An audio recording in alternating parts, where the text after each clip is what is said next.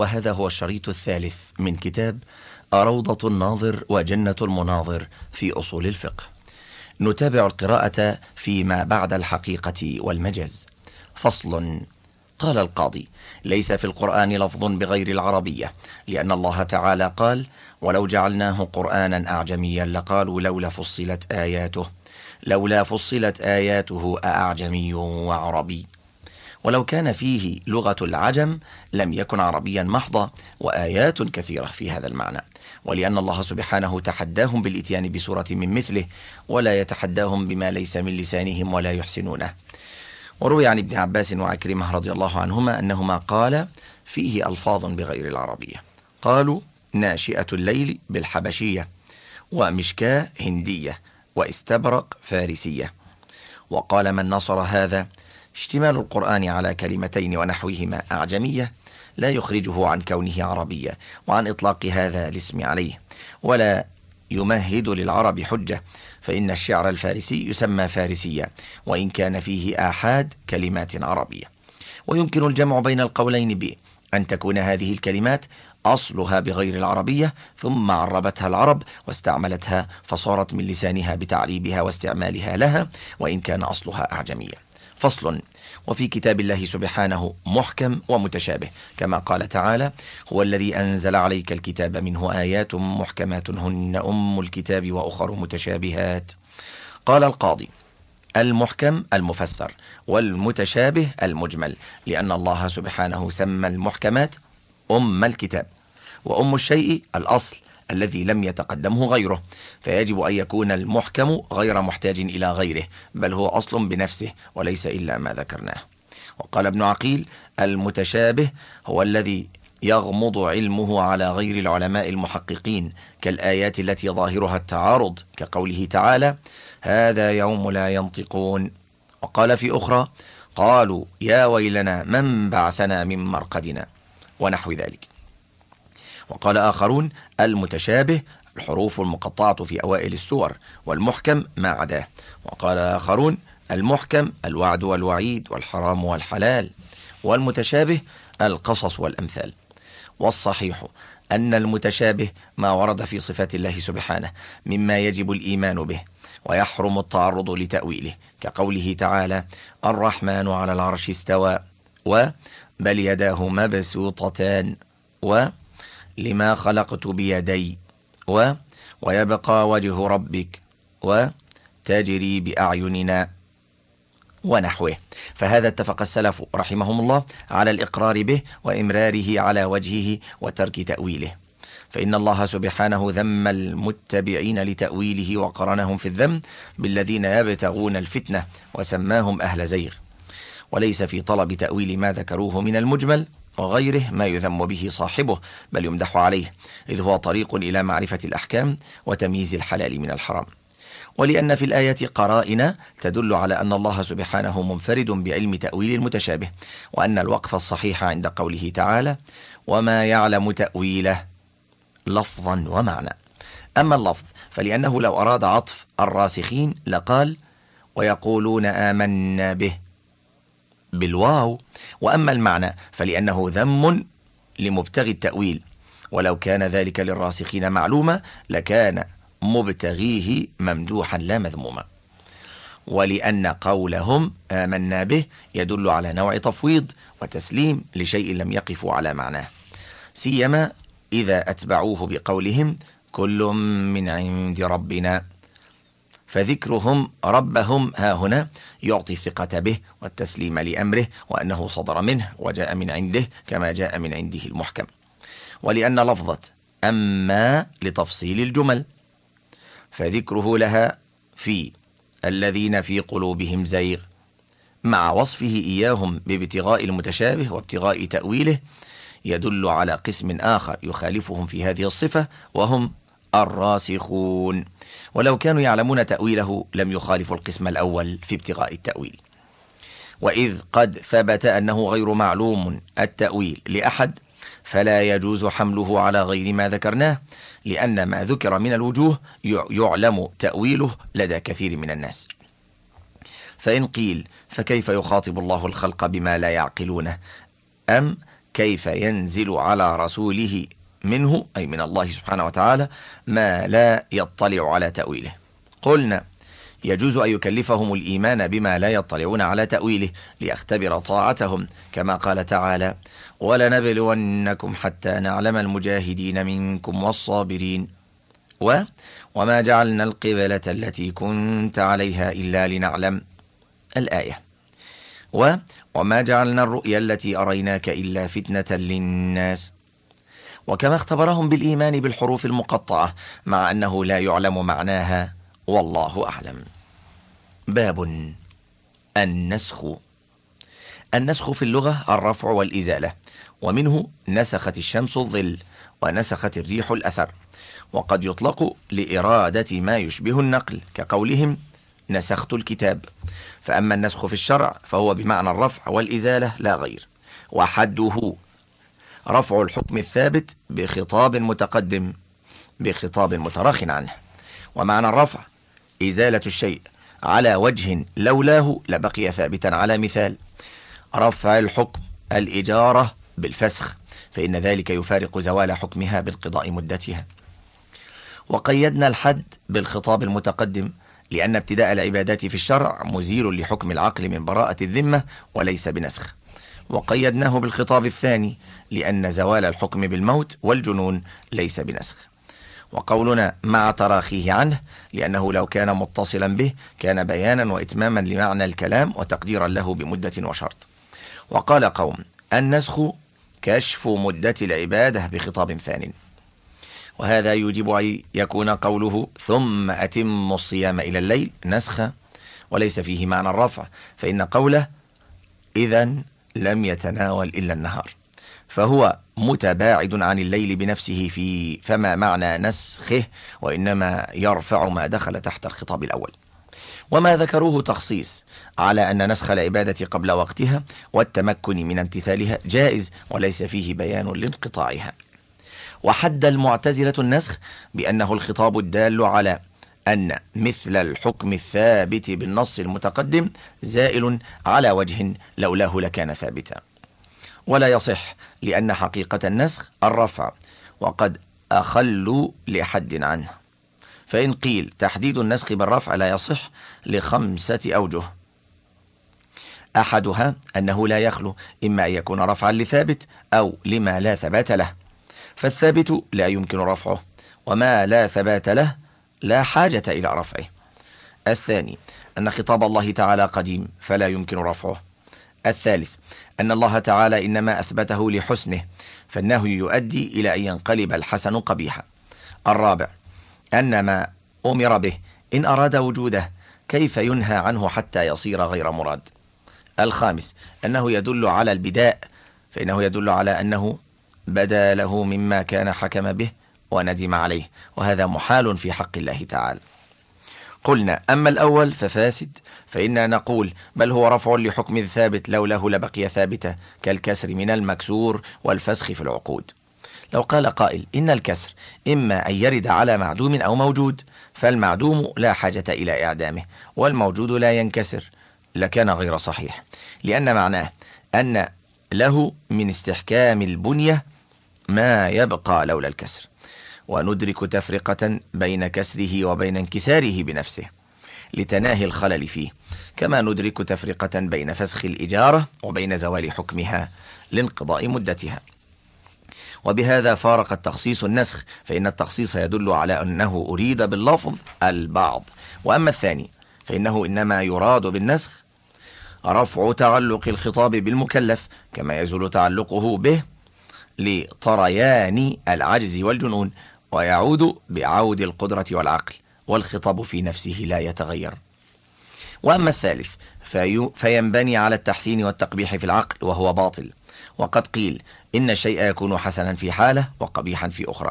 لكن لا يصح هذا العذر لجواز النسخ قبل دخول الوقت فيكون قد نهى عما أمر به في وقت واحد. والرابع ينبني على أن الأمر مشروط بالإرادة وهو غير صحيح. وأما الخامس ففاسد فإنهم إن أرادوا أن الله تعالى أباح ما حرم ونهى عما أمر به فهو جائز يمحو الله ما يشاء ويثبت. ولا تناقض كما أباح الأكل ليلة وحرمه نهارا. وإن أرادوا أنه انكشف له ما لم يكن عالما به فلا يلزم من النسخ. فإن الله تعالى يعلم أنه يأمرهم بأمر مطلق ويديم عليهم التكليف إلى وقت معلوم يقطع فيه التكليف بالنسخ. فإن قيل فهم مأمورون به في علم الله تعالى إلى وقت النسخ أو أبدا. إن قلتم إلى وقت النسخ فهو بيان مدة العبادة. وإن قلتم أبدا فقد تغير علمه ومعلومه. قلنا بل هم مأمورون في علمه إلى وقت النسخ الذي هو قطع للحكم المطلق الذي لولاه لدام الحكم. كما يعلم الله البيع المطلق مفيدا لحكمه إلى أن ينقطع بالفسخ. ولا يعلمه في نفسه قاصرا. ويعلم أن الفسخ سيكون فينقطع الحكم به. لا لقصوره في نفسه. فإن قيل فما الفرق بين النسخ والتخصيص؟ قلنا هما مشتركان من حيث إن كل واحد يوجب اختصاص بعض متناول اللفظ. مفترقان من حيث أن التخصيص بيان أن المخصوص غير مراد باللفظ. والنسخ يخرج ما أريد باللفظ الدلالة عليه كقوله صم أبدا. يجوز نسخ ما أريد باللفظ في بعض الأزمنة. وكذلك افترقا في وجوه ستة. أحدها أن النسخ يشترط تراخيه والتخصيص يجوز اقترانه. والثاني أن النسخ يدخل في الأمر بمأمور واحد بخلاف التخصيص. الثالث أن النسخ لا يكون إلا بخطاب والتخصيص يجوز بأدلة العقل والقرائن. والرابع أن النسخ لا يدخل في الأخبار والتخصيص بخلافه. والخامس أن النسخ لا تبقى معه دلالة اللفظ على ما تحته. والتخصيص لا ينتفي معه ذلك. والسادس أن النسخ في المقطوع به لا يجوز إلا بمثله. والتخصيص فيه جائز بالقياس وخبر الواحد وسائر الأدلة. فصل. وقد أنكر قوم النسخ وهو فاسد لأن النسخ جائز عقلا وقد قام دليله شرعا. أما العقل فلا يمتنع أن يكون الشيء مصلحة في زمان دون زمان. ولا يبعد في أن يعلم الله تعالى مصلحة عباده في أن يأمرهم بأمر مطلق حتى يستعدوا له فيثابوا ويمتنع بسبب العزم عليه من معاص وشهوات ثم يخففه عنهم.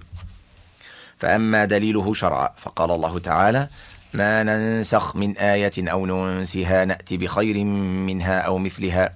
و وإذا بدلنا آية مكان آية وقد أجمعت الأمة على أن شريعة محمد صلى الله عليه وسلم قد نسخت ما خالفها من شرائع الأنبياء قبله. وقد كان يعقوب عليه السلام جمع بين الأختين وآدم عليه السلام كان يزوج بناته من بنيه وهو محرم في شرائع من بعدهم من الأنبياء عليهم السلام. فصل يجوز نسخ تلاوة الآية دون حكمها ونسخ حكمها دون تلاوتها ونسخهما معا وأحال قوم نسخ اللفظ فإن اللفظ إنما نزل ليتلى ويثاب عليه فكيف يرفع؟ ومنع آخرون نسخ الحكم دون التلاوة لأنها دليل عليه فكيف يرفع المدلول مع بقاء الدليل؟ قلنا هو متصور عقلا وواقع أما التصور فإن التلاوة وكتابتها في القرآن وانعقاد الصلاة بها من أحكامها وكل حكم فهو قابل للنسخ. وتعلقها بالمكلف في الإيجاب وغيره حكم أيضا فيقبل النسخ.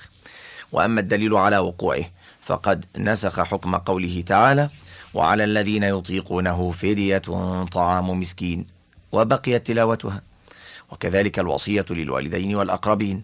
وقد تظاهرت الأخبار بنسخ آيات الرجم وحكمها باق. وقولهم كيف ترفع التلاوة؟ قلنا لا يمتنع أن يكون المقصود الحكم دون التلاوة لكن أنزل بلفظ معين وقولهم كيف يرفع المدلول مع بقاء الدليل.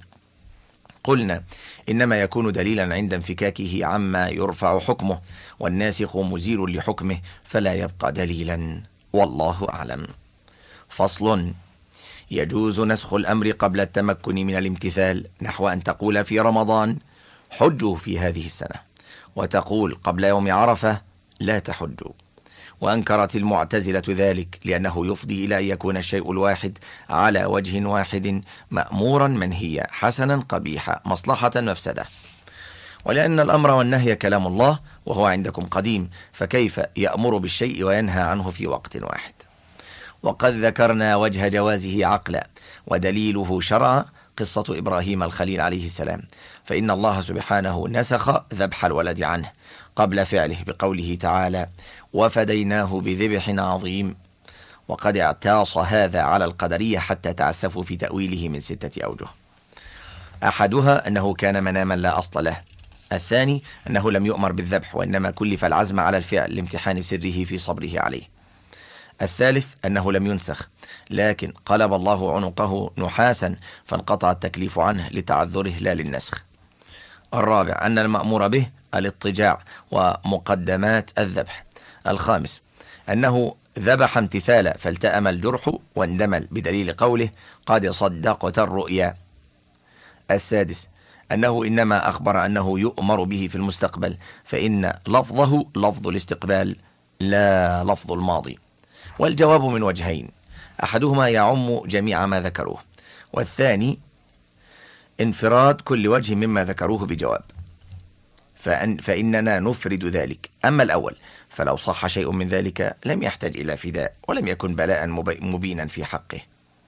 والجواب الثاني أما قولهم كان مناما لا أصل له قلنا منامات الأنبياء عليهم السلام وحي كانوا يعرفون الله تعالى بها.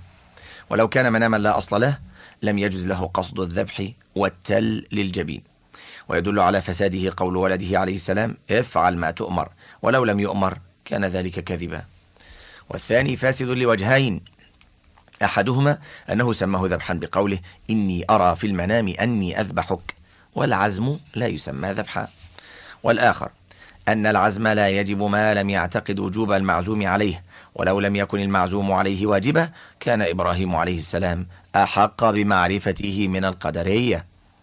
والثالث لا يصح عندهم لأنه إذا علم الله أنه يقلب عنقه حديدا يكون آمرا بما يعلم امتناعه.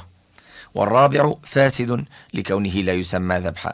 والخامس فاسد إذ لو صح لكان من آياته الظاهرة فلا يترك نقله ولم ينقل وإنما هو من اختراع القدرية.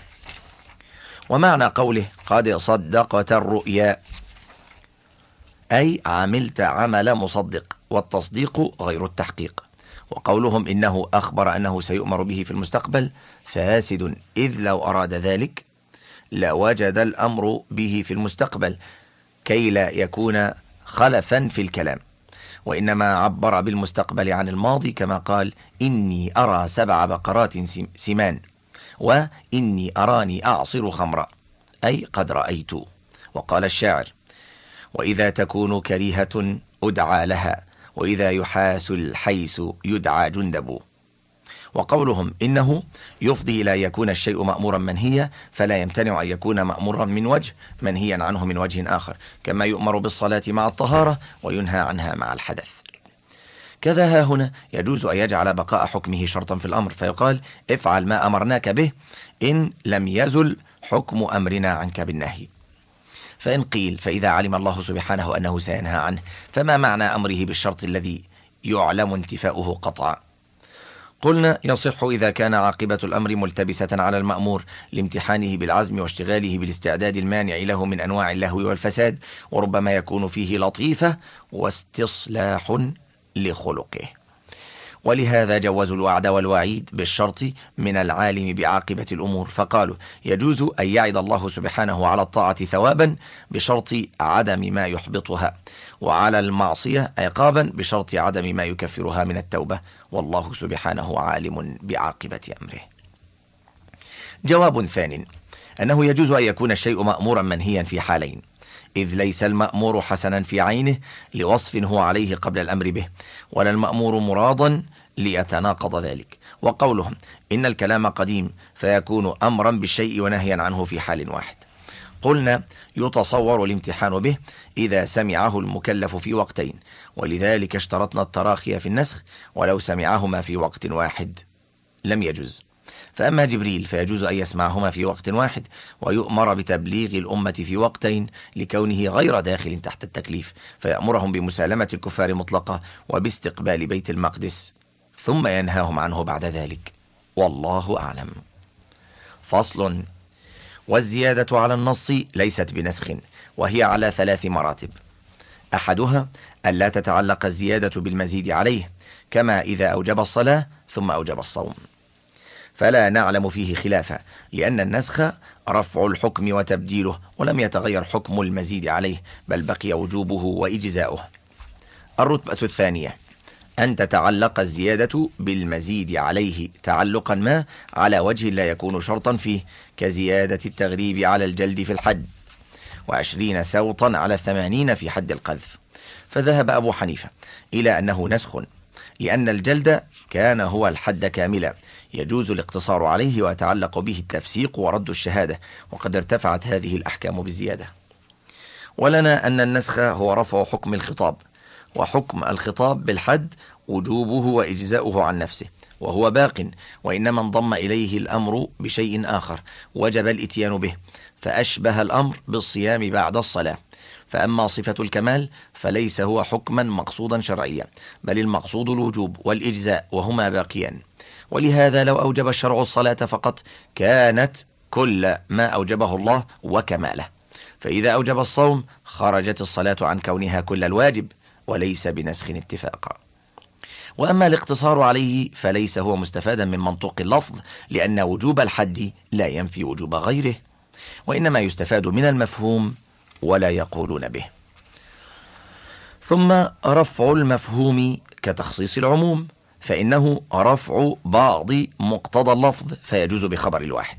ثم إنما يستقيم هذا أن لو ثبت حكم المفهوم واستقر ثم ورد التغريب بعده ولا سبيل إلى معرفته بل لعله ورد بيانا لإسقاط المفهوم متصلا به أو قريبا منه. وأما التفسيق ورد الشهادة فإنما يتعلق بالقذف لا بالحد. ثم لو سلم تعلقه بالحد فهو تابع غير مقصود فصار كحل النكاح بعد العدة. ثم تصرف الشرع في العدة بردها من حول إلى أربعة أشهر وعشر. ليس تصرفا في حل النكاح بل في نفس العدة. فإن قيل قوله تعالى واستشهدوا شهيدين من رجالكم يقتضي ألا يحكم بأقل منهما. والحكم بشاهد ويمين نسخ له. قلنا هذا إنما استفيد من مفهوم اللفظ وقد أجبنا عنه.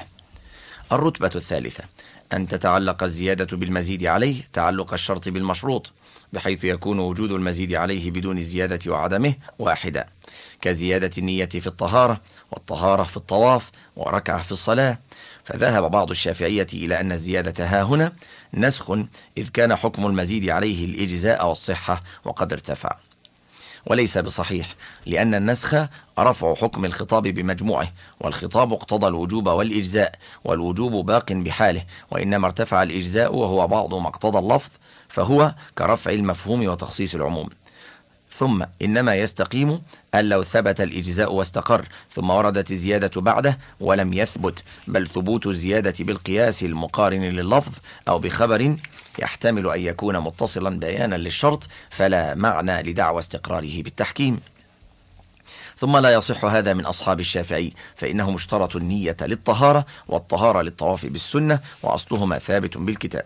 نقول ثم إنما يستقيم أن لو ثبت الإجزاء واستقر ثم وردت الزيادة بعده ولم يثبت بل ثبوت الزيادة بالقياس المقارن لللفظ أو بخبر يحتمل أن يكون متصلا بيانا للشرط فلا معنى لدعوى استقراره بالتحكم.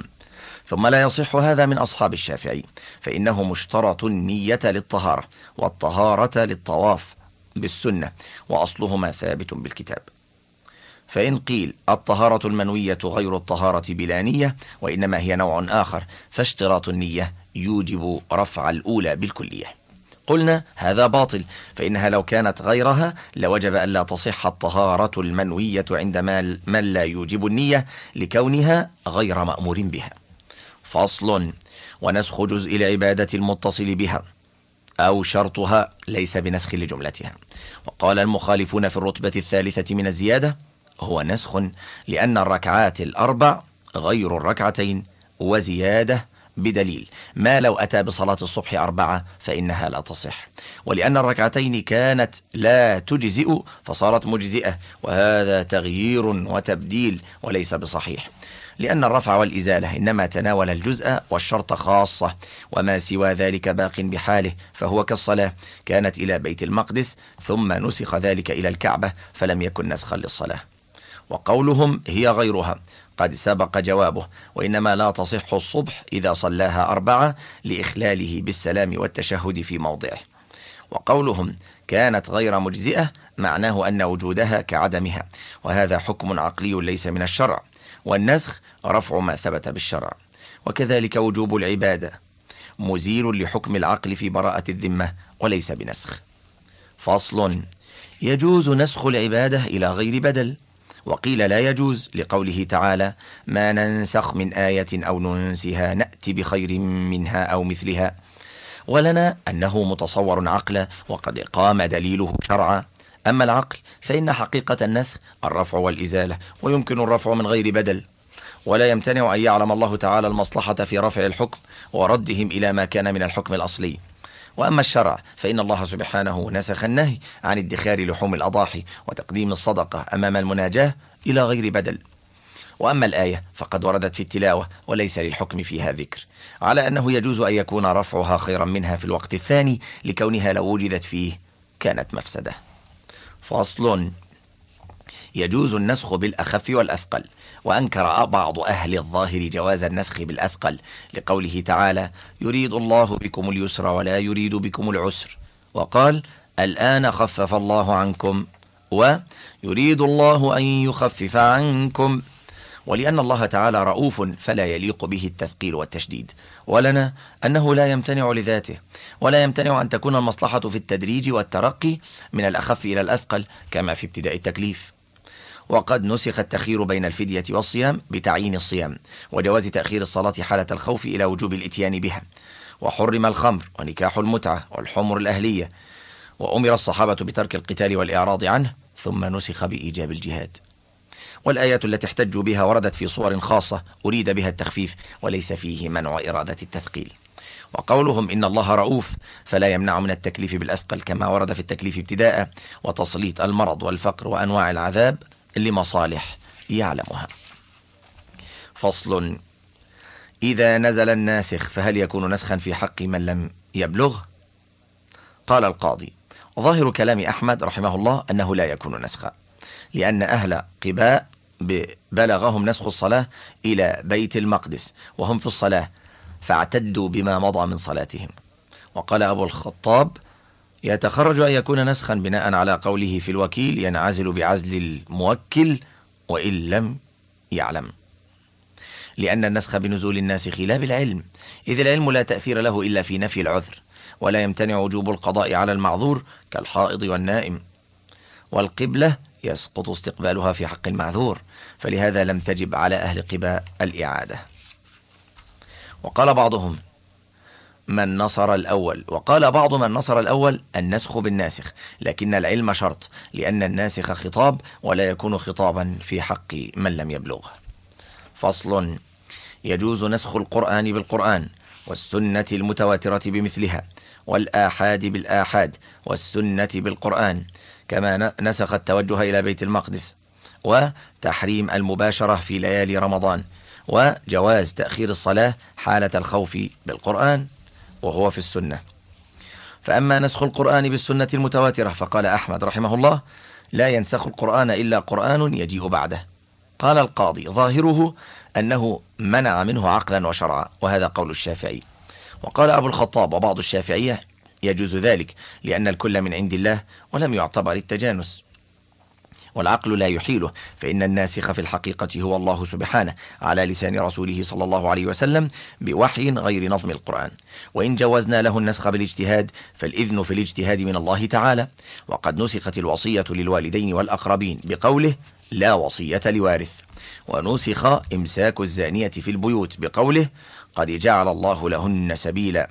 البكر بالبكر جلد مئة وتغريب عام والثيب بالثيب الجلد والرجم. ولنا قول الله تعالى ما ننسخ من آية أو ننسها نأتي بخير منها أو مثلها. والسنة لا تساوي القرآن ولا تكون خيرا منه. وقد روى الدار قطني في سننه عن جابر رضي الله عنه أن النبي صلى الله عليه وسلم قال القرآن ينسخ حديثي وحديثي لا ينسخ القرآن. ولأنه لا يجوز نسخ تلاوة القرآن وألفاظه بالسنة فكذلك حكمه. وأما الوصية فإنها نسخت بآية المواريث قاله ابن عمر وابن عباس. وقد أشار النبي صلى الله عليه وسلم إلى هذا بقوله إن الله قد أعطى كل ذي حق حقه فلا وصية لوارث. وأما الآية الأخرى فإن الله سبحانه أمر بإمساكهن إلى غاية يجعل لهن سبيلا. فبين النبي صلى الله عليه وسلم أن الله جعل لهن السبيل وليس ذلك بنسخ. والله أعلم. فصل. فأما نسخ القرآن والمتواتر من السنة بأخبار الآحاد فهو جائز عقله إذ لا يمتنع أن يقول الشارع تعبدناكم بالنسخ بخبر الواحد وهو غير جائز شرعا. وقال قوم من أهل الظاهر يجوز وقال طائفة يجوز في زمن النبي صلى الله عليه وسلم ولا يجوز بعده لأن أهل قباء قبلوا خبر الواحد في نسخ القبلة وكان النبي صلى الله عليه وسلم يبعث أحد الصحابة إلى أطراف دار الإسلام فينقلون الناسخ والمنسوخ ولأنه يجوز التخصيص به فجاز النسخ به كالمتواتر. ولنا إجماع الصحابة رضي الله عنهم على أن القرآن والمتواتر لا يدفع بخبر الواحد فلا ذاهب إلى تجويزه. حتى قال عمر رضي الله عنه لا ندع كتاب ربنا وسنة نبينا لقول امرأة لا ندري أصدقت أم كذبت. فصل. فأما الإجماع فلا ينسخ لأنه لا يكون إلا بعد انقراض زمن النص والنسخ لا يكون إلا بنص. ولا ينسخ بالإجماع لأن النسخ إنما يكون لنص والإجماع لا ينعقد على خلافه لكونه معصوما عن الخطأ وهذا يفضي إلى إجماعهم على الخطأ. فإن قيل فيجوز أن يكون الظافر بنص كان خفية أقوى من النص الأول أو ناسخا له. قلنا فيضاف النسخ إلى النص. الذي أجمعوا عليه لا إلى الإجماع. فصل ما ثبت بالقياس. إن كان منصوصا على علته فهو كالنص ينسخ وينسخ به. وما لم يكن منصوصا على علته فلا ينسخ ولا ينسخ به على اختلاف مراتبه. وشذت طائفة فقالت ما جاز التخصيص به جاز النسخ به. وهو منقوض بدليل العقل وبالإجماع وبخبر الواحد. فإن التخصيص بجميع ذلك جائز دون النسخ فكيف يتساويان؟ والتخصيص بيان والنسخ رفع والبيان تقرير والرفع إبطال. فصل. والتنبيه ينسخ وينسخ به لأنه يفهم من اللفظ فهو كالمنطوق وأوضح منه. ومنع منه بعض الشافعية وقالوا هو قياس جلي وليس بصحيح وإنما هو مفهوم الخطاب. ولأنه يجري مجرى النطق في الدلالة فلا يضر تسميته قياسا. وإذا نسخ الحكم في المنطوق بطل الحكم في المفهوم وفيما ثبت بعلته أو بدليل خطابه. وأنكر ذلك بعض الحنفية لأنه نسخ بالقياس وليس بصحيح لأن هذه فروع تابعة لأصل فإذا سقط حكم الأصل سقط حكم الفرع. فصل فيما يعرف به النسخ. اعلم أن ذلك لا يعرف بدليل العقل ولا بقياس بل بمجرد النقل وذلك من طرق. أحدها أن يكون في اللفظ كقوله كنت نهيتكم عن زيارة القبور فزوروها. كنت رخصت لكم في جلود الميتة فلا تنتفعوا. الثاني أن يذكر الراوي تاريخ سماعه فيقول سمعت عام الفتح. ويكون المنسوخ معلوما تقدمه. الثالث أن تجمع الأمة على أن هذا الحكم منسوخ وأن ناسخه متأخر. الرابع أن ينقل الراوي الناسخ والمنسوخ فيقول رخص لنا رسول الله صلى الله عليه وسلم في المتعة فمكثنا ثلاثة ثم نهانا عنها. الخامس أن يكون راوي أحد الخبرين أسلم في آخر حياة النبي صلى الله عليه وسلم. والآخر لم يصحب النبي صلى الله عليه وسلم إلا في أول الإسلام. كرواية طلق بن علي الحنفي وأبي هريرة في الوضوء من مس الفرج والله تعالى أعلم. الأصل الثاني من الأدلة سنة النبي صلى الله عليه وسلم. وقول رسول الله صلى الله عليه وسلم حجة لدلالة المعجز على صدقه وأمر الله سبحانه بطاعته وتحذيره من مخالفة أمره وهو دليل قاطع على من سمعه منه شفاها. فأما من بلغه بالإخبار عنه فينقسم في حقه قسمين تواترا وآحادا. وألفاظ الرواية في نقل الأخبار خمسة فأقواها أن يقول سمعت رسول الله صلى الله عليه وسلم أو أخبرني أو حدثني أو شافهني. فهذا لا يتطرق إليه الاحتمال وهو الأصل في الرواية. قال صلى الله عليه وسلم نضر الله امرأ سمع مقالتي فوعاها فأداها كما سمعها. الحديث. الرتبة الثانية أن يقول قال رسول الله صلى الله عليه وسلم كذا. فهذا ظاهره النقل. وليس نصا صريحا لاحتمال أن يكون قد سمعه من غيره عنه. كما روى أبو هريرة أنه قال من أصبح جنبا فلا صوم له. فلما استكشف قال حدثني الفضل بن عباس. وروى ابن عباس قوله إنما الربا في النسيئة. فلما روجع أخبر أنه سمعه من أسامة بن زيد. فهذا حكمه حكم القسم الذي قبله لأن الظاهر أن الصحابي لا يقول ذلك إلا وقد سمعه من النبي صلى الله عليه وسلم. لأن قوله ذلك يوهم السماع فلا يقدم عليه إلا عن سماع بخلاف غير الصحابي.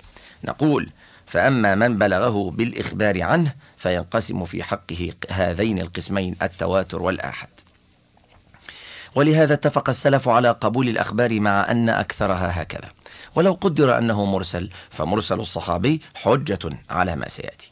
الرتبة الثالثة أن يقول الصحابي أمر رسول الله صلى الله عليه وسلم بكذا أو نهى عن كذا. فيتطرق إليه احتمالان أحدهما في سماعه كما في قوله. والثاني في الأمر إذ قد يرى ما ليس بأمر أمر لاختلاف الناس فيه حتى قال بعض أهل الظاهر لا حجة فيه ما لم ينقل اللفظ. والصحيح أنه لا يظن بالصحابي إطلاق ذلك إلا إذا علم أنه أمر. وأما احتمال الغلط فلا يحمل عليه أمر الصحابة إذ يجب حمل ظاهر قولهم وفعلهم على السلامة مهما أمكن. ولهذا لو قال قال رسول الله صلى الله عليه وسلم أو شرط شرطا أو وقت وقتا فيلزمنا اتباعه. ثم هذا إنما يستقيم أن لو كان الخلاف في الأمر مبنيا على اختلاف الصحابة فيه ولم يثبت ذلك. والظاهر أنه لم يكن بينهم فيه اختلاف إذ لو كان لنقل كما نقل اختلافهم في الأحكام وأقوالهم في الحلال والحرام. وليس من ضرورة الاختلاف في زماننا أن يكون مبنيا على اختلافهم كما أنهم اختلفوا في الأصول وفي كثير من الفروع مع عدم اختلاف الصحابة فيه. فإذا قول الصحابي أمر رسول الله صلى الله عليه وسلم أو نهى لا يكون إلا بعد سماعه ما هو أمر حقيقة. الرتبة الرابعة أن يقول أمرنا بكذا أو نهينا فيتطرق إليه من الاحتمالات ما مضى. واحتمال آخر وهو أن يكون الآمر غير النبي صلى الله عليه وسلم من الأئمة والعلماء. وذهبت طائفة إلى أنه لا يحتج به لهذا الاحتمال. وذهب الأكثرون إلى أنه لا يحمل إلا على أمر الله وأمر رسوله لأنه يريد به إثبات شرع وإقامة حجة فلا يحمل على قول من لا يحتج بقوله. وفي معناه قوله من السنة كذا والسنة جارية بكذا. فالظاهر أنه لا يريد إلا سنة رسول الله صلى الله عليه وسلم دون سنة غيره ممن لا تجب طاعته. ولا فرق بين قول الصحابي ذلك في حياة النبي صلى الله عليه وسلم أو بعد موته وقول الصحابي والتابعي في ذلك سواء إلا أن الاحتمال في قول الصحابي أظهر. الرتبة الخامسة أن يقول كنا نفعل أو كانوا يفعلون فمتى أضيف ذلك إلى زمن رسول الله صلى الله عليه وسلم فهو دليل على جوازه؟ لأن ذكره ذلك في معرض الحجة يدل على أنه أراد ما علمه النبي صلى الله عليه وسلم فسكت عنه ليكون دليلا. وذلك مثل قول ابن عمر كنا نفاضل على عهد رسول الله صلى الله عليه وسلم فنقول أبو بكر ثم عمر ثم عثمان فيبلغ ذلك رسول الله صلى الله عليه وسلم فلا ينكره. وقال كنا نخابر أربعين سنة وقالت عائشة رضي الله عنها كانوا لا يقطعون في الشيء التافه. فإن قال الصحابي كانوا يفعلون فقال أبو الخطاب يكون نقلا للإجماع لتناول اللفظ إياه. وقال بعض أصحاب الشافعي لا يدل ذلك على فعل الجميع ما لم يصرح بنقله عن أهل الإجماع. وقال أبو الخطاب وإذا قال الصحابي هذا الخبر منسوخ وجب قبول قوله. ولو فسره بتفسير وجب الرجوع إلى تفسيره. فصل وحد الخبر هو الذي يتطرق إليه التصديق أو التكذيب وهو قسمان تواتر وآحاد. فالمتواتر يفيد العلم ويجب تصديقه وإن لم يدل عليه دليل آخر. وليس في الأخبار ما يعلم صدقه بمجرده إلا المتواتر. وما عداه إنما يعلم صدقه بدليل آخر يدل عليه سوى نفس الخبر. خلافا للسمنية. فإنهم حصروا العلم في الحواس وهو باطل. وهم من عبدة الأصنام والبراهم وهم من منكر الرسالة وقالوا بتناسخ الأرواح. ذلك الكلام عن السمنية. وهو باطل فإنا نعلم كون الاثنين أكثر من الواحد واستحالة اجتماع الضدين. بل حصرهم العلم في الحواس على زعمهم معلوم لهم وليس مدركا بالحواس. ثم لا يستريب عاقل في أن في الدنيا بلدة تسمى بغداد وبلدة تسمى مكة ولا نشك في وجود الأنبياء بل في وجود الأئمة الأربعة ونحو ذلك. فإن قيل لو كان معلوما ضرورة لما خالفناكم قلنا إنما يخالف في هذا معاند يخالف بلسانه مع معرفته فساد قوله أو من في عقله خبط. ولا يصدر إنكار هذا من عدد كثير يستحيل عنادهم. ثم لو تركنا ما علمناه لمخالفتكم لزمنا ترك المحسوسات لمخالفة السفسطائية فصل. قال القاضي العلم الحاصل بالتواتر ضروري. وهو صحيح فإننا نجد أنفسنا مضطرين إليه كالعلم بوجود مكة ولأن العلم النظري هو الذي يجوز أن يعرض فيه الشك وتختلف فيه الأحوال فيعلمه بعض الناس دون بعض ولا يعلمه النساء والصبيان ومن ليس من أهل النظر ولا من ترك النظر قصدا. وقال أبو الخطاب هو نظري لأنه لا يفيد العلم بنفسه ما لم ينتظم في النفس مقدمتان. إحداهما أن هؤلاء مع اختلاف أحوالهم وكثرتهم لا يجمعهم على الكذب جامع ولا يتفقون عليه. الثاني أنهم قد اتفقوا على الإخبار عن الواقعة فينبني العلم بالصدق على المقدمتين ولا بد من إشعار النفس بهما. وإن لم يتشكل فيها بلفظ منظوم فقد شعرت به حتى حصل التصديق. ورب واسطة حاضرة في الذهن لا يشعر الإنسان بتوسطها. كقولنا الاثنان نصف الأربعة فإنه لا يعلم ذلك إلا بواسطة. أن النصف أحد جزئي الجملة المساوي للآخر والإثنان كذلك فقد حصل العلم بواسطة لكنها جلية في الذهن. ولهذا لو قيل ستة وثلاثون نصف اثنين وسبعين افتقر فيه إلى تأمل ونظر. والضروري عبارة عن الأولي الذي يحصل بغير واسطة. كقولنا القديم ما ليس محدثا والمعدوم ليس موجودا لا عما نجد أنفسنا مضطرين إليه وهو ما يحصل دون تشكيل واسطة في الذهن. كالعلوم المحسوسة والعلم بالتجربة. كقولنا الماء مرون والخمر مسكر والصحيح الأول. فإن اللفظ يدل عليه لاشتقاقه منه. والقول الآخر مجرد دعوة لا دليل عليها. والله أعلم. فصل.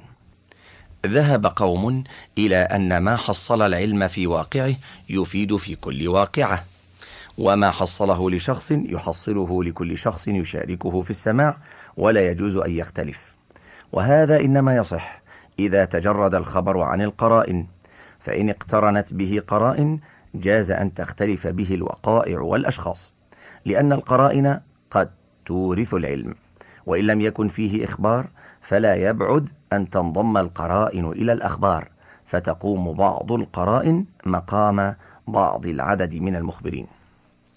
ولا ينكشف هذا إلا بمعرفة القرائن وكيفية دلالتها. فنقول لا شك أن نعرف أمورا ليست محسوسة إذ نعرف من غيرنا حبه لإنسان وبغضه إياه وخوفه منه وخجله. وهذه أحوال في النفس لا يتعلق بها الحس يدل عليها دلالات آحادها ليست قطعية لكن تميل النفس بها إلى اعتقاد ضعيف ثم الثاني والثالث يؤكده إلى أن يحصل القطع باجتماعها. كما أن قول كل واحد من عدد التواتر محتمل منفردا ويحصل القطع بالاجتماع. فإن نعرف محبة الشخص لصاحبه بأفعال المحبين من خدمته وبذل ماله له وحضور مجالسه لمشاهدته وملازمته في تردداته وأمور من هذا الجنس. وكل واحد منها إذا انفرد يحتمل أن يكون لغرض يضمره لا لمحبته. لكن تنتهي كثرة هذه الدلالات إلى حد يحصل لنا العلم. وكذلك نشهد الصبي يرضع مرة بعد أخرى فيحصل لنا علم بوصول اللبن إلى جوفه وإن لم نشاهد اللبن. لكن حركة الصبي في الامتصاص وحركة حلقه وسكوته عن بكائه مع كونه لا يتناول طعاما آخر وكون ثدي المرأة الشابة لا يخلو من لبن والصبي لا يخلو عن طبع باعث على الامتصاص ونحو ذلك من القرائن. فلا يبعد أن يحصل التصديق بقول عدد ناقص مع قرائن تنضم إليه. ولو تجرد عن القرائن لم يفد العلم والتجربة فيه تدل على هذا. وكذلك العدد الكثير. ربما يخبرون عن أمر يقتضي إبالة الملك وسياسة إظهاره. والمخبرون من جنود الملك فيتصور اجتماعهم تحت ضبط الإيالة بالاتفاق على الكذب. نقول وكذلك العدد الكثير. ربما يخبرون عن أمر يقتضي إيالة الملك وسياسة إظهاره والمخبرون من جنود الملك فيتصور اجتماعهم تحت ضبط الإيالة بالاتفاق على الكذب. ولو كانوا متفرقين خارجين عن ضبط الملك لم يتطرق إليهم هذا الوهم فهذا يؤثر في النفوس تأثيرا لا ينكر. فصل. وللتواتر ثلاثة شروط. الأول أن يخبروا عن علم ضروري مستند إلى محسوس. إذ لو أخبرنا الجم الغفير عن حدوث العالم أو عن صدق الأنبياء لم يحصل لنا العلم بخبرهم. نقول لو أخبرنا الجم الغفير عن حدوث العالم أو عن صدق الأنبياء لم يحصل لنا العلم بخبرهم. الثاني أن يستوي طرفا الخبر ووسطه في هذه الصفة. وفي كمال العدد لأن خبر أهل كل عصر يستقل بنفسه فلا بد من وجود الشروط فيه. ولذلك لم يحصل لنا العلم بصدق اليهود مع كثرتهم في نقلهم عن موسى عليه السلام تكذيب كل ناسخ لشريعته. الشرط الثالث في العدد الذي يحصل به التواتر واختلف الناس فيه. فمنهم من قال يحصل باثنين ومنهم من قال يحصل بأربعة وقال قوم بخمسة وقال قوم بعشرين وقال آخرون بسبعين وقيل غير ذلك.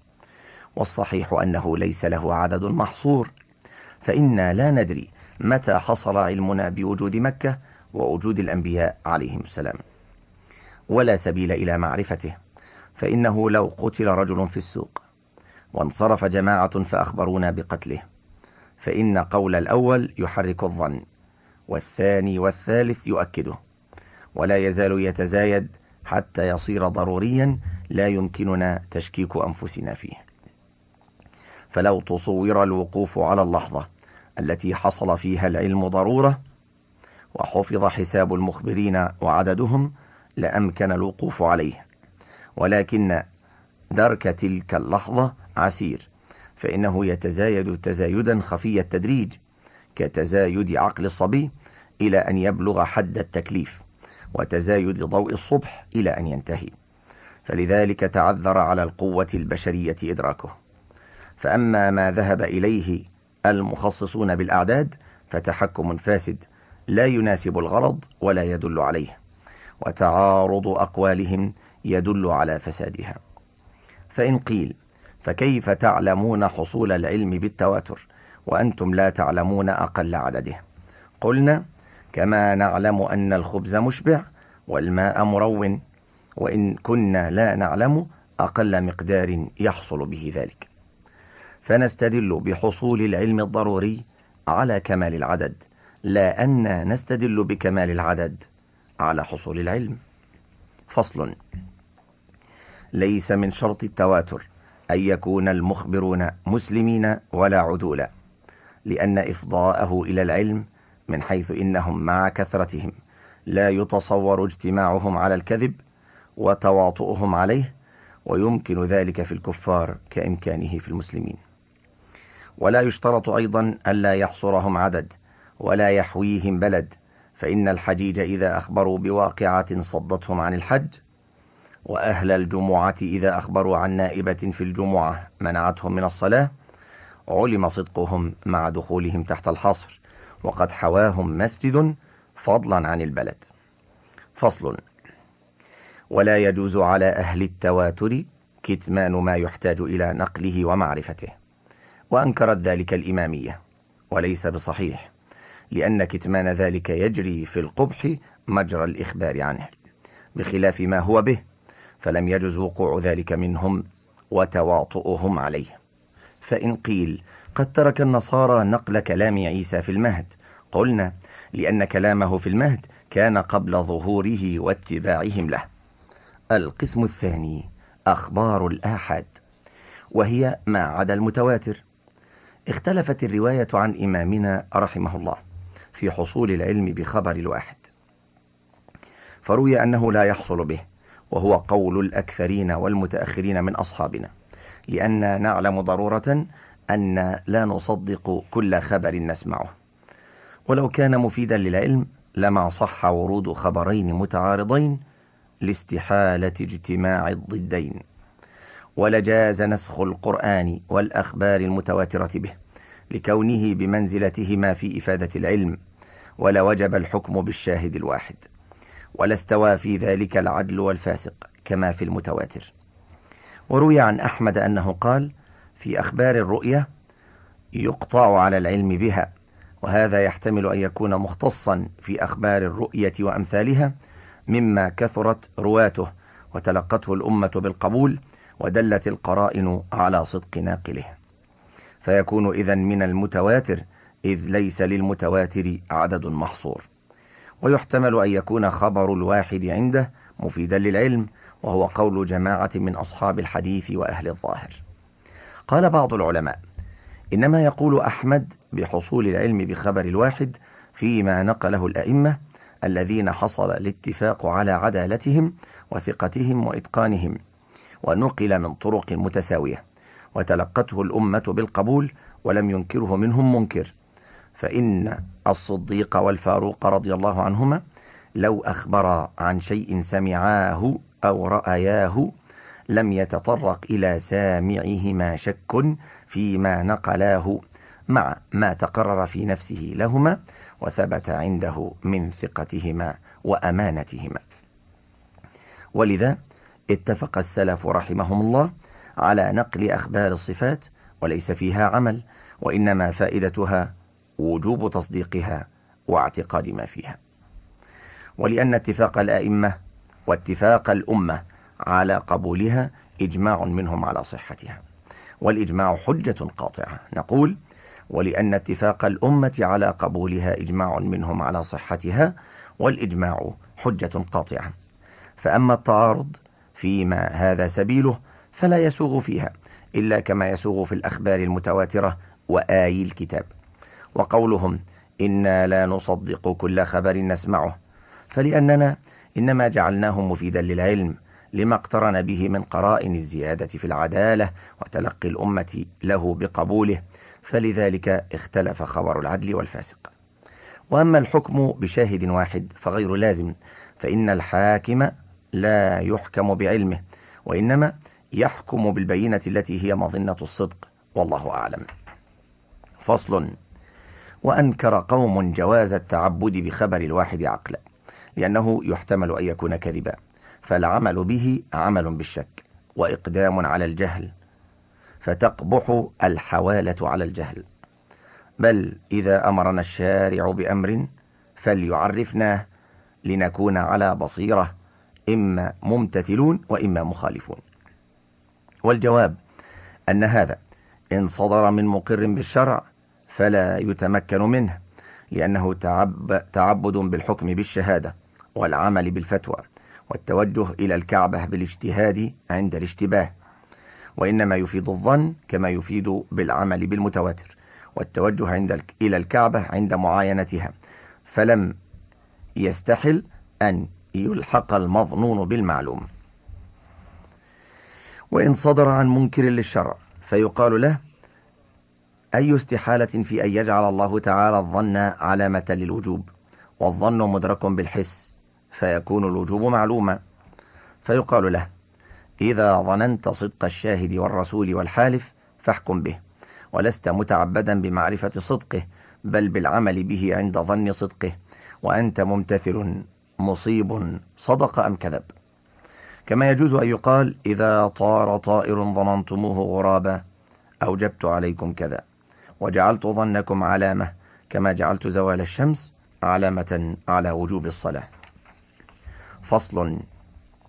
وقال أبو الخطاب العقل يقتضي وجوب قبول خبر الواحد لأمور ثلاثة. أحدها أن لو قصرنا العمل على القواطع لتعطلت الأحكام لندرة القواطع وقلة مدارك اليقين. الثاني أن النبي صلى الله عليه وسلم مبعوث إلى الكافة ولا يمكنه مشافهة جميعهم ولا إبلاغهم بالتواتر. الثالث أن إذا ظننا صدق الراوي فيه ترجح وجود أمر الله تعالى وأمر رسوله عليه السلام فالاحتياط العمل بالراجح. وقال الأكثرون لا يجب التعبد بخبر الواحد عقلا ولا يستحيل ذلك. ولا يلزم من عدم التعبد به تعطيل الأحكام لإمكان البقاء على البراءة الأصلية والاستصحاب. والنبي عليه السلام مكلف تبليغ من أمكنه تبليغه دون من لا يمكنه كمن في الجزائر ونحوها. فصل. فأما التعبد بخبر الواحد سمعا فهو قول الجمهور خلافا لأكثر القدرية وبعض أهل الظاهر ولنا دليلان قاطعان. أحدهما إجماع الصحابة رضوان الله عليهم على قبوله فإنه قد اشتهر ذلك عنهم في وقائع لا تنحصر إن لم يتواتر آحادها حصل العلم بمجموعها. منها أن الصديق رضي الله عنه لما جاءته الجدة تطلب ميراثها نشد الناس. من يعلم قضاء رسول الله صلى الله عليه وسلم فيها. فشهد له محمد بن مسلمة والمغيرة بن شعبة أن النبي صلى الله عليه وسلم أعطاها السدس فرجع إلى قولهما وعمل به عمر بعده. وروي عن عمر رضي الله عنه في وقائع كثيرة. منها قصة الجنين حين قال أذكر الله امرأة سمع من رسول الله صلى الله عليه وسلم في الجنين. فقام حمل بن مالك ابن النابغة وقال كنت بين جارتين لي. فضربت إحداهما فضربت إحداهما الأخرى بمسطح فقتلتها وجنينها. فقضى النبي صلى الله عليه وسلم في الجنين بغرة.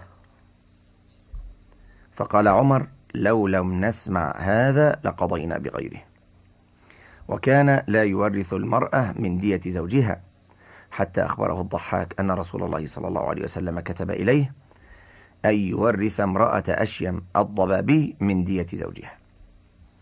ورجع إلى حديث عبد الرحمن بن عوف عن النبي صلى الله عليه وسلم في المجوس سنوا بهم سنة أهل الكتاب وأخذ عثمان بخبر فريعة بنت مالك في السكنة. بعد أن أرسل, أرسل إليها وسألها. وعلي كان يقول كنت إذا سمعت من النبي صلى الله عليه وسلم حديثا نفعني الله بما شاء منه أن ينفعني وإذا حدثني عنه غيره استحلفته فإذا حلف لي صدقته وحدثني أبو بكر وصدق أبو بكر. أن النبي صلى الله عليه وسلم قال ما من عبد يذنب فيتوضأ ثم يصلي ركعتين ويستغفر الله إلا غفر الله له. ولما اختلف المهاجرون والأنصار في الغسل من المجامعة أرسلوا أبا موسى إلى عائشة فروت لهم عن النبي صلى الله عليه وسلم إذا مس الختان الختان وجب الغسل فرجعوا إلى قولها. واشتهر رجوع أهل قباء إلى خبر الواحد في التحويل إلى الكعبة. وروى أنس قال كنت أسقي أبا طلحة وأبا عبيدة وأبي بن كعب شرابا من فضيخ إذ أتانا آت فقال إن الخمرة قد حرمت. فقال أبو طلحة يا أنس قم إلى هذه الجرار فاكسرها. فكسرتها. ورجع ابن عباس إلى حديث أبي سعيد في الصرف. وابن عمر إلى حديث رافع بن خديج في المخابرة. وكان زيد بن ثابت يرى ألا تصدر الحائط الحائض حتى تطوف. فقال له ابن عباس سل فلانة الأنصارية هل أمرها النبي صلى الله عليه وسلم بذلك؟ فأخبرته فرجع زيد يضحك وقال لابن عباس ما أراك إلا قد صدقت. والأخبار في هذا أكثر من أن تحصى. واتفق التابعون عليه أيضا وإنما حدث الاختلاف بعدهم. فإن قيل لعلهم عملوا بأسباب قارنت هذه الأخبار لا بمجردها كما أنهم أخذوا بالعموم وعملوا بصيغة الأمر والنهي ولم يكن ذلك نصا صريحا فيهما. قلنا قد صرحوا بأن العمل بالأخبار لقول عمر لولا هذا لقضينا بغيره ورجع الصحابة إلى حديث عائشة في الغسل وابن عمر إلى حديث رافع. وتقدير قرينة وسبب ها هنا كتقدير قراء مع نص الكتاب والأخبار المتواترة. وذلك يبطل جميع الأدلة. وأما العموم وصيغة الأمر والنهي فإنها ثابتة. يجب الأخذ بها ولها دلالة ظاهرة تعبدنا بالعمل بمقتضاها. وعملهم بها دليل على صحة دلالتها فهي كمسألتنا. وإنما أنكرها من لا يعتد بخلافه واعتذروا بأنه لم ينقل عنهم في صيغة الأمر والعموم تصريح. فإن قيل فقد تركوا العمل بأخبار كثيرة فلم يقبل النبي صلى الله عليه وسلم خبر ذي اليدين. ولم يقبل أبو بكر خبر المغيرة وحده في ميراث الجدة. وعمر لم يقبل خبر أبي موسى في الاستئذان ولا خبر فاطمة بنت قيس في السكنى والنفقة. وعلي كان لا يقبل حتى يستحلف. ورد علي خبر معقل بن سنان الأشجعي في بروع بنت واشق. ورد ابن عمر خبر أبي هريرة في أن من صلى على الميت فله قيراط. وردت عائشة خبر ابن عمر في تعذيب الميت ببكاء أهله عليه. قلنا الجواب من وجهين. أحدهما أن هذا حجة عليهم فإنهم قد قبلوا هذه الأخبار التي توقفوا عنها بموافقة غير الراوي له. ولم يبلغ بذلك رتبة التواتر ولا خرج عن رتبة الآحاد إلى رتبة التواتر. والثاني أن توقفهم كان لمعان مختصة بهم. فتوقف النبي صلى الله عليه وسلم في خبر ذي اليدين ليعلمهم أن هذا الحكم لا يؤخذ فيه بقول الواحد. وأما أبو بكر رضي الله عنه فلم يرد خبر المغيرة وإنما طلب الاستظهار بقول, بقول آخر. وليس فيه ما يدل على أنه لا يقبل قوله لو انفرد. وأما عمر رضي الله عنه فإنه كان يفعل ذلك سياسة ليتثبت الناس في رواية الحديث. وقد صرح به فقال إني لا أتهمك ولكني خشيت أن يتقول الناس على رسول الله صلى الله عليه وسلم. وعائشة لم ترد خبر ابن عمر وإنما تأولته. الدليل الثاني ما تواتر من إنفاذ رسول الله صلى الله عليه وسلم أمراءه ورسله وقضاته وسعاته إلى الأطراف لتبليغ الأحكام والقضاء وأخذ الصدقات وتبليغ الرسالة. ومن المعلوم أنه كان يجب عليهم تلقي ذلك بالقبول ليكون مفيدا. والنبي صلى الله عليه وسلم مأمور بتبليغ الرسالة ولم يكن ليبلغها بمن لا يكتفى به. دليل ثالث أن الإجماع انعقد على وجوب قبول قول المفتي فيما يخبر به عن ظنه. فما يخبر به عن السماع الذي لا يشك فيه أولى فإن تطرق الغلط إلى المفتي أو فإن تطرق الغلط إلى المفتي كتطرقه إلى الراوي. نقول دليل ثالث أن الإجماع انعقد على وجوب قبول قول المفتي فيما يخبر به عن ظنه فما يخبر به عن السماع الذي لا يشك فيه أولى فإن تطرق الغلط إلى المفتي كتطرقه إلى الراوي فإن كل مجتهد وإن كان مصيبا فإنما يكون مصيبا إذا لم يفرط. وربما ظن أنه لم يفرط ويكون قد فرط.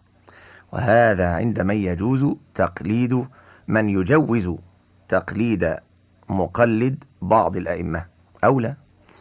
فإنه إذا جاز أن يروي مذهب غيره لما لا يجوز أن يروي قول غيره؟ فإن قيل هذا قياس لا يفيد إلا الظن وخبر الواحد أصل لا يثبت بالظن. ثم الفرق بينهما. أن هذا حال ضرورة. فإنا لو كلفنا كل واحد الاجتهاد تعذر. قلنا لا نسلم أنه مظنون بل هو مقطوع بأنه في معناه. فإنا إذا قطعنا بخبر الواحد في البيع قطعنا به في النكاح. ولم يختلف باختلاف المروي فيه. ولم يختلف ها هنا إلا المروي عنه. فإن هذا يروي عن ظنه وهذا يروي عن غيره. وقولهم إنه يفضي إلى تعذر الأحكام ليس كذلك فإن العامي يرجع إلى البراءة الأصلية واستصحاب الحال كما قلتم في المجتهد إذا لم يجد قاطعا. فصل وذهب الجبائي إلى أن خبر الواحد إنما يقبل إذا رواه عن النبي صلى الله عليه وسلم اثنان ثم يرويه عن كل واحد منهما اثنان إلى أن يصير في زماننا إلى حد يتعذر معه إثبات حديث أصلا. وقاسه على الشهادة. وهذا باطل بما ذكرنا من الدليل على قبول خبر الواحد. ولا يصح قياسه على الشهادة. فإن الرواية تخالف الشهادة في أشياء كثيرة. وكذلك لا تعتبر في الرواية في الزنا أربعة كما يعتبر في الشهادة فيه. فصل ويعتبر في الراوي المقبول روايته أربعة شروط الإسلام والتكليف والعدالة والضبط. أما الإسلام فلا خلاف في اعتباره فإن الكافر متهم في الدين. فإن قيل هذا يتجه في كافر لا يؤمن بنبينا صلى الله عليه وسلم. إذا لا يليق بالسياسة تحكيمه في دين لا يعتقد تعظيمه. أما الكافر المتأول فإنه معظم للدين ممتنع من المعصية غير عالم أنه كافر. فلما لا تقبل روايته؟ قلنا كل كافر متأول فاليهودي أيضا متأول. فإن المعاند هو الذي يعرف الحق بقلبه ويجحده بلسانه. وهذا يندر. بل تورع هذا من الكذب كتورع اليهودي. فلا يلتفت إلى هذا ولا يستفاد هذا المنصب بغير الإسلام. وقال أبو الخطاب في الكافر والفاسق المتأولين إن كان داعية فلا يقبل خبره. فإنه لا يؤمن أن يضع حديثا على موافقة هواه. وإن لم يكن داعية فكلام أحمد رحمه الله يحتمل الأمرين القبول وعدمه. فإنه قد قال احتمل الحديث من المرجئة. وقال يكتب عن القدري إذا لم يكن داعية. واستعظم الرواية عن سعد العوفي وقال هو جهمي امتحن فأجاب. واختار أبو الخطاب قبول رواية الفاسق المتأول لما ذكرناه. وإن توهم الكذب منه كتوهمه من العدل لتعظيمه المعصية وامتناعه منها وهو مذهب الشافعي. ولذلك كان السلف يروي بعضهم عن بعض مع اختلافهم في المذهب والأهواء. والثاني التكليف فلا يقبل خبر الصبي والمجنون لكونه لا يعرف الله تعالى ولا يخافه ولا يلحقه مأثم فالثقة به أدنى من الثقة بقول الفاسق لكونه يعرف الله تعالى ويخافه ويتعلق المأثم به ولأنه لا يقبل قوله فيما يخبر به عن نفسه وهو الإقرار ففيما يخبر به عن غيره أولى.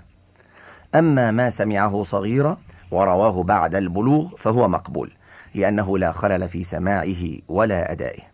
ولذلك اتفق السلف على قبول أخبار أصاغر الصحابة كابن عباس وعبد الله بن جعفر وعبد الله بن الزبير والحسن والحسين والنعمان بن بشير ونظرائهم. وعلى ذلك درج السلف والخلف في إحضارهم الصبيان مجالس السماع وقبولهم لشهادتهم فيما سمعوه قبل البلوغ. والثالث الضبط فمن لم يكن حالة السماع ممن يضبط ليؤدي في الآخرة على الوجه لم تحصل الثقة بقوله. الرابع العدالة فلا يقبل خبر الفاسق لأن الله تعالى قال يا أيها الذين آمنوا إن جاءكم فاسق بنبأ فتبينوا. وهذا زجر عن الاعتماد على قبول الفاسق. ولأن من لا يخاف الله سبحانه خوفا يزعه عن الكذب لا تحصل الثقة بقوله. فصل ولا يقبل خبر مجهول الحال في هذه الشروط في إحدى الروايتين وهو مذهب الشافعي. والرواية الأخرى يقبل خبر مجهول الحال في العدالة خاصة دون بقية الشروط وهو مذهب أبي حنيفة. ووجهه أربعة أدلة. أحدها أن النبي صلى الله عليه وسلم قبل شهادة الأعرابي برؤية الهلال ولم يعرف منه إلا الإسلام. الثاني أن الصحابة كانوا يقبلون رواية الأعراب والعبيد والنساء لأنهم لم يعرفوهم بفسق.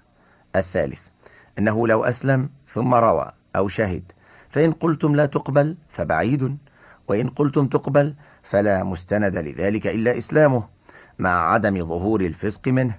فإذا مضى لذلك زمان فلا يجوز أن يجعل ذلك مستندا لرد روايته. الرابع أنه لو أخبر بطهارة الماء أو نجاسته أو أنه على طهارة قبل ذلك حتى يصح الائتمام به. ولو أخبر بأن هذه الجارية المبيعة ملكه وأنها خالية عن زوج قبل قوله حتى ينبني على ذلك حل الوطء. ووجه الرواية الأولى خمسة أمور. أحدها أن مستند قبول خبر الواحد الإجماع والمجمع عليه قبول رواية العدل ورد خبر الفاسق. والمجهول الحال ليس بعدل ولا هو في معنى العدل في حصول الثقة بقوله. والثاني أن الفسق مانع كالصبا والكفر فالشك فيه كالشك في الصبا والكفر من غير فرق. الثالث أن شهادته لا تقبل فكذلك روايته. وإن منعوا في المال فقد سلموا في العقوبات. وطريق الثقة في الرواية والشهادة واحدة وإن اختلف في بقية الشروط. الرابع أن المقلد إذا شك في بلوغ المفتي رتبة الاجتهاد لم يجز تقليده بل قد سلموا أنه لو شك في عدالته وفسقه لم يجز تقليده. وأي فرق بين حكايته عن نفسه اجتهاده وبين حكايته خبرا عن غيره؟ الخامس أنه لا تقبل شهادة الفرع ما لم يعين شاهد الأصل فلم يجب تعيينه إن كان قول المجهول مقبولا. فإن قالوا يجب تعيينه لعل الحاكم يعرفه بفسق فيرد شهادته. قلنا إذا كانت العدالة هي الإسلام من غير ظهور فسق فقد, فقد عرف ذلك فلم يجب التتبع. وأما قبول النبي صلى الله عليه وسلم قول الأعرابي فإن كونه أعرابيا لا يمنع كونه معلوم العدالة عنده. إما بخبر عنه أو تزكية من عرف حاله وإما بوحي فمن سلم لكم أنه كان مجهولا. وأما الصحابة فإنما قبلوا قول أزواج النبي صلى الله عليه وسلم وقول من عرفوا حاله ممن هو مشهور العدالة عندهم وحيث جاهلوا ردوا. جواب ثاني أن الصحابة رضي الله عنهم لا تعتبر معرفة ذلك فيهم لأنه مجمع على عدالتهم بتزكية النص لهم بخلاف غيرهم. وأما الحديث العهد بالإسلام فلا يسلم قبول قوله لأنه قد يسلم الكاذب ويبقى على طبعه وإن سلمنا قبول روايته فذلك لطراوة إسلامه وقرب عهده بالإسلام. وشتان بين من هو في طراوة البداية وبين من نشأ عليه بطول الألفة. فإن قيل إذا كانت العدالة لأمر باطن وأصله الخوف ولا يشاهد بل يستدل عليه بما يغلب على الظن. فأصل ذلك الخوف الإيمان فإنه يدل على الخوف دلالة ظاهرة فلنكتفي به. قلنا المشاهدة والتجربة دلت على أن فساق المسلمين أكثر من عدولهم فلا نشكك أنفسنا فيما عرفناه يقينا. ثم هل اكتفي به في شهادة العقوبات؟ وشاهد الأصل وحال المفتي وسائر ما سلموه. وأما قول العاقد فهو مقبول رخصة مع ظهور فسقه لمسيس الحاجة إلى المعاملات. وأما الخبر عن نجاسة الماء وقلته فلا نسلمه. فصل. ولا يشترط في الرواية الذكورية فإن الصحابة قبلوا قول عائشة رضي الله عنها وغيرها من النساء. ولا البصر فإن الصحابة كانوا يرون عن عائشة رضي الله عنها اعتمادا على صوتها وهم كالضرير في حقها. ولا يشترط كون الراوي فقيها لقوله عليه السلام رب حامل فقه غير فقيه ورب حامل فقه إلى من هو أفقه منه. وكانت الصحابة تقبل خبر الأعرابي الذي لا يروي إلا حديثا واحدا. ولا يقدح في الرواية العداوة والقرابة لأن حكمها عام لا يختص بشخص فيؤثر فيه ذلك. ولا يشترط معرفة نسب الراوي فإن حديثه يقبل ولو لم يكن له نسب فالجهل بالنسب أولى ألا يقدح. ولو ذكر اسم شخص متردد بين مجروح ومعدل فلا يقبل حديثه للتردد والله أعلم. فصل في التزكية والجرح. اعلم أنه يسمع الجرح والتعديل من واحد في الرواية لأن العدالة التي تثبت بها الرواية لا تزيد على نفس الرواية بخلاف الشهادة. وهنا تعريف. التزكية هي التعديل وهو أن ينسب إلى قائل ما يقبل لأجله قوله من فعل الخير والعفة والمروءة والتدين بفعل الواجبات وترك المحرمات ونحو ذلك. والجرح هو ضد التزكية والتعديل هو أن ينسب إلى قائل ما أي شيء يرد لأجله قوله من خبر أو شهادة من فعل معصية أو ارتكاب ذنب أو ما يخل بالعدالة. نقول اعلم أنه يسمع الجرح والتعديل من واحد في الرواية. هذا مذهب جمهور العلماء. وقال بعض العلماء إنه لا يقبل ذلك إلا من اثنين كالشهادة. وانتهت الحاشية. لأن العدالة التي تثبت بها الرواية لا تزيد على نفس الرواية بخلاف الشهادة. وكذلك تقبل تزكية العبد والمرأة كما تقبل روايتهما واختلفت الرواية في قبول الجرح إذا لم يتبين سببه فروي أنه يقبل لأن أسباب الجرح معلومة فالظاهر أنه لا يجرح إلا بما يعلمه. وروي أنه لا يقبل لاختلاف الناس فيما يحصل به الجرح من فسق الاعتقاد والتدليس وغيره فيجب بيانه ليعلم. وقيل هذا يختلف باختلاف المزكى فمن حصلت الثقة ببصيرته وضبطه يكتفى بإطلاقه ومن عرفت عدالته دون بصيرته فسنفصله. أما إذا تعارض الجرح والتعديل قدمنا الجرح فإنه اطلاع على زيادة خفيت على المعدل فإن زاد عدد المعدل على الجارح فقد قيل يقدم التعديل وهو ضعيف فإن سبب التقديم زيادة العلم فلا ينتفي ذلك بكثرة العدد. انتهى بحمد الله المجلد الأول من كتاب روضة الناظر وجنة المناظر لابن قدامة ويليه إن شاء الله المجلد الثاني وأوله فصل في التعديل. وانتهى الشريط الثالث من هذا الكتاب روضة الناظر وجنة المناظر في أصول الفقه.